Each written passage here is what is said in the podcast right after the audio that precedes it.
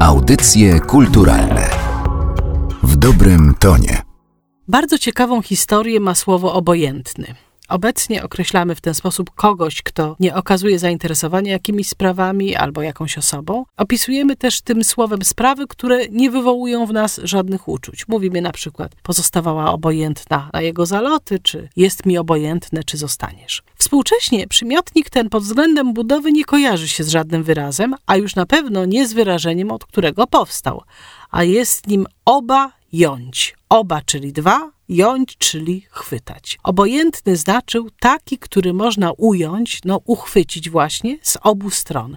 Obojętna mogła być więc piła, obojętny mógł być też garniec, był to garnek z dwoma uchami, obojętny mógł być też miecz. Miecz obojętny to inaczej miecz obustronny, obosieczny. Z tego znaczenia taki, który można ująć z obu stron, rozwinęło się kolejne, ogólniejsze, czyli dwustronny, dwojaki. Na przykład o centaurach mówiono, że mają postaci obojętne. Chodziło oczywiście o to, że to jest jakby pół człowiek, pół koń, czyli taka postać dwojaka. Coś, co jest dwojakie, jest jakby niewyraźne, takie jakby nie wiadomo jakie, jak w dawnym opisie.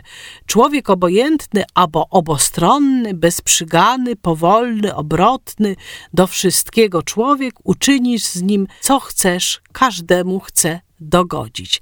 A zatem człowiek obojętny to był taki człowiek nijaki, człowiek pozbawiony cech charakterystycznych. Taką charakterystyczną cechą byłoby wyraźne ukierunkowanie w którąś ze stron, a tutaj człowiek, którego przenośnie można ująć z obu stron, jest człowiekiem bez żadnych właściwości. I właśnie dlatego nazywano go człowiekiem obojętnym.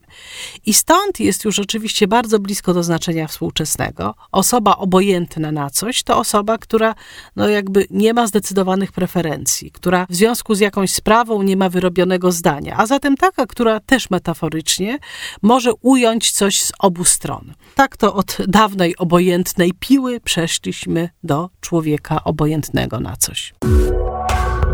Audycje kulturalne w dobrym tonie.